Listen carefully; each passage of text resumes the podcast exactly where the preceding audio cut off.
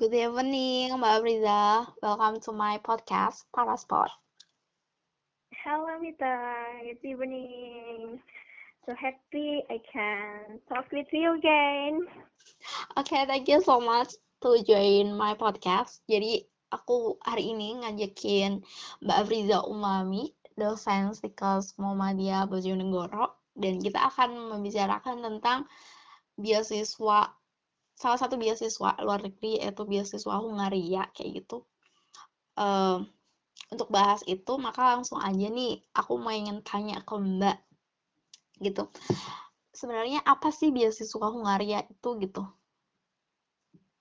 Hmm, beasiswa Hungaria itu sepertinya eh ini ya beasiswa ini namanya Stipendium Hungaricum Scholarship kayak gitu. Stipendium Hungaricum yang mana ini murni dari pemerintah Hungaria yang diberikan kepada negara yang bekerja sama dengan Hungaria ya. Hmm. punya kerjasama bilateral kayak gitu. Dan tiap negara ini beda kuotanya gitu. Kalau Indonesia kalau pada tahun ini itu dapat 100 kuota. Beda lagi dengan negara yang kayak lainnya ya misalkan India atau Singapura Malaysia itu beda mereka jadi banyak negara kurang lebih 100 lebih ya 150-an gitu ya yang punya kerjasama bilateral sama Hungaria kayak gitu jadi pemerintah Hungaria tuh ngeluarin duit segitu banyaknya buat uh, biayain ini kita kayak gitu yang dari negara-negara yang punya kerjasama bilateral tersebut kayak gitu Nah, beasiswa sebanyak itu nih Mbak, dari Indonesia aja itu 100 orang kayak gitu. Itu sebenarnya apa aja sih? Beasiswanya itu ya ini kan uh, awalnya mereka itu melalui uh, ini Kemendikbud ya kalau sekarang Kemendikbud. Jadi Kemendikbud itu yang uh, memberitahu kita bahwa ada beasiswa ini gitu. Jadi siapa pun boleh ikut. Yang sekarang tahun ini itu yang bachelor itu baru ya. Jadi ada kuota untuk sarjana S1 gitu di sana untuk kuliah di sana. Terus ada master sama PhD yang kebanyakan itu kayaknya PhD ya PhD gitu. Karena Indonesia sekarang kan lagi fokus untuk ke peningkatan SDM gitu. Apalagi tenaga dosen. Jadi banyak yang PhD diambilnya kebanyakan itu yang dosen-dosen sih. Tanggal 13 Juli kemarin itu baru pengumuman yang official yang dari ini Kemendikbud yang dikeluarkan oleh Kemendikbud sendiri begitu. Ini daftar-daftar dari uh, nama-nama awardee yang lulus dari Stipendum Hungaricum di sini tuh ada sebanyak 98 gitu ya. Nah yang dari kuota 100 kayak gitu. Tapi ada beberapa awardee itu yang kayak uh, mengundurkan diri gitu loh. Kayak postpone dan juga ada yang sudah keterima beasiswa lain jadi nggak ikut ini kayak gitu. Jadi uh, kurang lebih ini sekitar ada berapa ya? 70-an gitu loh. Nah. it is full funded or not? Ya yeah, full funded sebenarnya. But um, not include with uh, airplane ticket. Jadi tiket pesawatnya enggak. Hmm. aja. Oke. Okay. syaratnya buat dapetin beasiswa ini apa sih sebenarnya? Syaratnya itu ya uh, usual if you want to apply or submit a scholarship. Ya pertama kita harus uh, dokumen siapkan semua transfer dokumen. Habis itu kita butuh ini motivation letter. Dulu itu motivation letter. Ya motivation letter. Terus uh, English proficiency itu pasti. Dan juga research kalau saya ngambilnya kan di PhD jadi harus punya uh, research plan gitu. Itu yang paling penting dapat supervisor. Kalau udah dapat supervisor kamu dikasih uh, statement of supervisor yaitu syarat untuk apply beasiswa ini untuk PhD ya. Itu memang syaratnya harus ada itu PhD kalau master enggak. Kecuali master yang dari start. Gitu. Oke, jadi yang paling penting di sini adalah risetnya gitu ya? Ya, research plan sama supervisor. Sebenarnya itu sih. Karena supervisor itu yang benar-benar nanti saat kita kuliah itu dia yang bimbing kita, yang menuntun kita kayak gitu loh. Karena kalau PhD itu banyak kan kan di research gitu ya. Jadi benar-benar kayak orang beliau tuh uh, yang menuntun kita nanti. Jadi harus punya korespondensi dulu siapa yang akan uh, menjadi pembimbing kamu nanti di sana terus riset apa yang kamu lakukan. Dampaknya apa? Gitu ya. Dampak maksudnya dampak di sini dampak dari penelitian kamu itu apakah uh, bisa diterapkan kayak gitu benar-benar bisa uh, digunakan untuk meningkatkan uh, bukan hanya human resources tapi juga uh, bagaimana memecahkan masalah kayak gitu. Oke. Okay. Ini beasiswa ada guideline-nya kayak gitu nggak sih Mbak atau uh, komunitasnya sendiri kayak gitu seumpama kita pengen bertanya tentang beasiswa ini kita bisa menghubungi siapa gitu? Oke, okay. beasiswa ini sebenarnya itu aku juga baru ya tahu awalnya aku tahu beasiswa ini itu um, dari ini teman aku yang nge-share kayak gitu. Hmm. teman aku yang share terus aku ngikut gitu kan.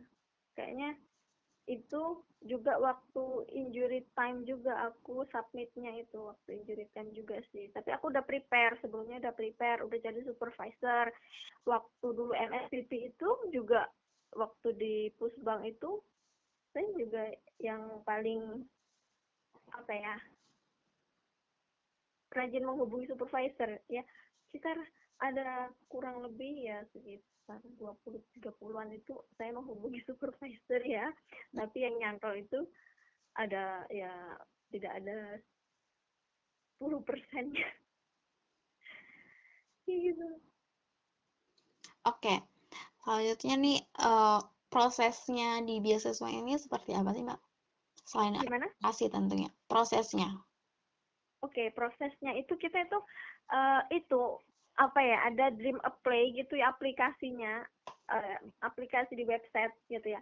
Kamu ketik aja stipendium hungarikum di sana nanti ada aplikasinya uh, register habis register masukkan semua data-datanya di situ upload semua berkas-berkasnya ya. Setelah itu kita juga mengirimkan email ke Dikti. Waktu itu saya kan Kemendiktek Dikti. Karena saya bekerja sebagai dosen di Stikes Muhammadiyah Bojonegoro saya mengirimkan juga. Jangan lupa yang pertama itu adalah surat izin dari atasan. It's very important.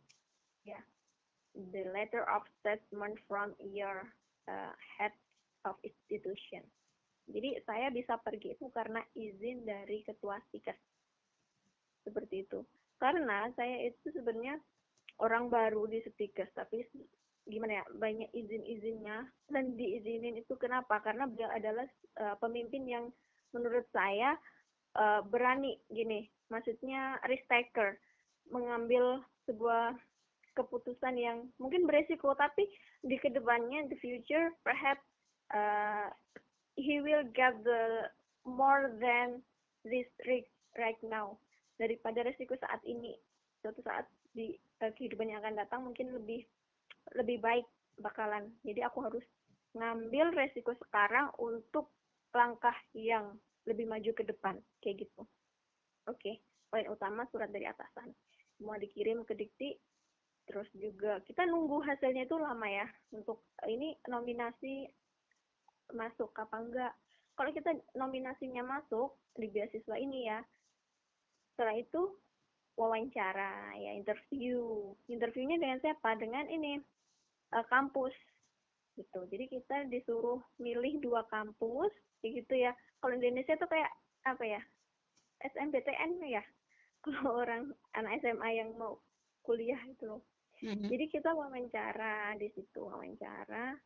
Saya pilihan kampus pertama wawancara itu di bulan uh, kayaknya 21 ah 21 April. Waktu itu masih ingat banget karena tanggal 22 ulang tahun saya. Mm-mm. 1 April. Habis itu peng- ini uh, interview yang dari kampus kedua itu sekitar uh, 25 atau 28 April kayak gitu. Terus Setelah keluar. selesai wawancara Hmm. itu nunggu hasil lagi nih pokoknya yang paling memberi apa ya kayak kita itu anxious sangat-sangat cemas itu menunggu hasil keputusan last decision sebenarnya di kampus pertama saya diterima ya Hmm. karena memang di kampus pertama itu saya mendapatkan eh, letter of statement from supervisor sedangkan yang di kampus kedua saya nggak dapat Hmm. nah jadi pertimbangan di kampus satu itu yang lebih besar kayak gitu. Jadi saya milih di kampus satu waktu itu lolos. Terus nunggu lagi nih dari yang pemerintah Hungarianya sendiri. Karena beasiswa kan dari pemerintah Hungaria. Jadi saya nunggu di masa penantian itu di mana kita harus tetap gimana ya ikhtiar sudah tinggal tawakalnya gitu loh. Tawakal tawakal tawakal.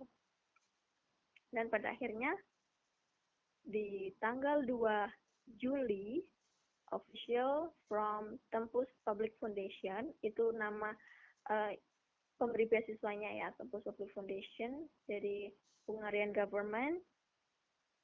Jadi dia ngasih pengumuman dan ternyata alhamdulillahnya keterima di situ. Nah gitu. Terus tanggal 13 Juli itu surat dari Kemen eh dari Kemendikbud itu baru turun kayak gitu. Oh, oke. Panjang ya jadi prosesnya gitu dari administrasi sampai harus menghubungi supervisor, dapat surat izin dari atasan kayak gitu sampai tahap interview dan pengumuman kayak gitu. Nah, ini pertanyaannya lebih personal nih, boleh nggak Mbak? Jadi pertanyaanku tuh adalah kenapa Hungari? Hungari ya karena Hungari itu menurut aku di bagian kesehatannya ya. Kalau Hungari itu kan memang banyak Nobel Prize yang didapatkan di bidang kesehatan terutama di kampus saya ini University of Szeged jadi uh, dulu vitamin C isolation of vitamin C itu ditemukan oleh uh, profesor yang dari kampusku tersebut kayak gitu. Jadi uh, bidang kesehatan di sana itu bagus. Nah menurut saya ya bukan hanya di kesehatan juga di art ya.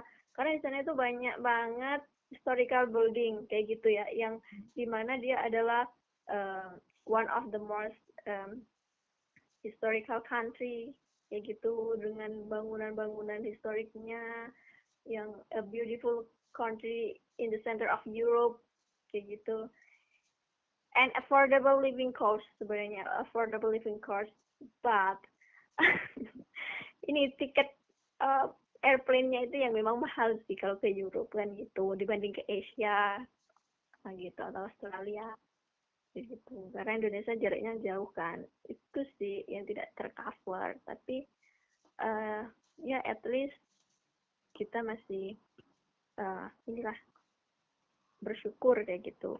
Terus kenapa pilihannya di Hungari karena waktu itu saya daftar ke mana-mana mana-mana belum rezeki dan dapatlah Hungari ini kayak gitu. Dan mungkin ini apa ya takdirnya kali ya semoga Allah berikan yang terbaik di situ. Saya juga nggak tahu kenapa harus Hungari gitu ya. Mungkin ini pilihan terbaik ya jawaban dari doa-doa setelah sekian lama. Kayak gitu. Oke okay. alhamdulillah kayak gitu. Dan ini rencananya mau apa ya mulai course-nya itu kapan mbak? Course-nya itu uh, first September. September oke. Okay.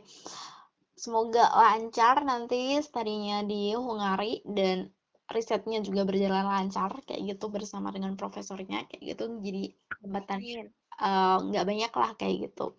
Dan sukses buat studinya mbak. Uh, makasih banget udah mau ngisi podcast aku kayak gitu dan good luck. Good night. Good night thank you Mita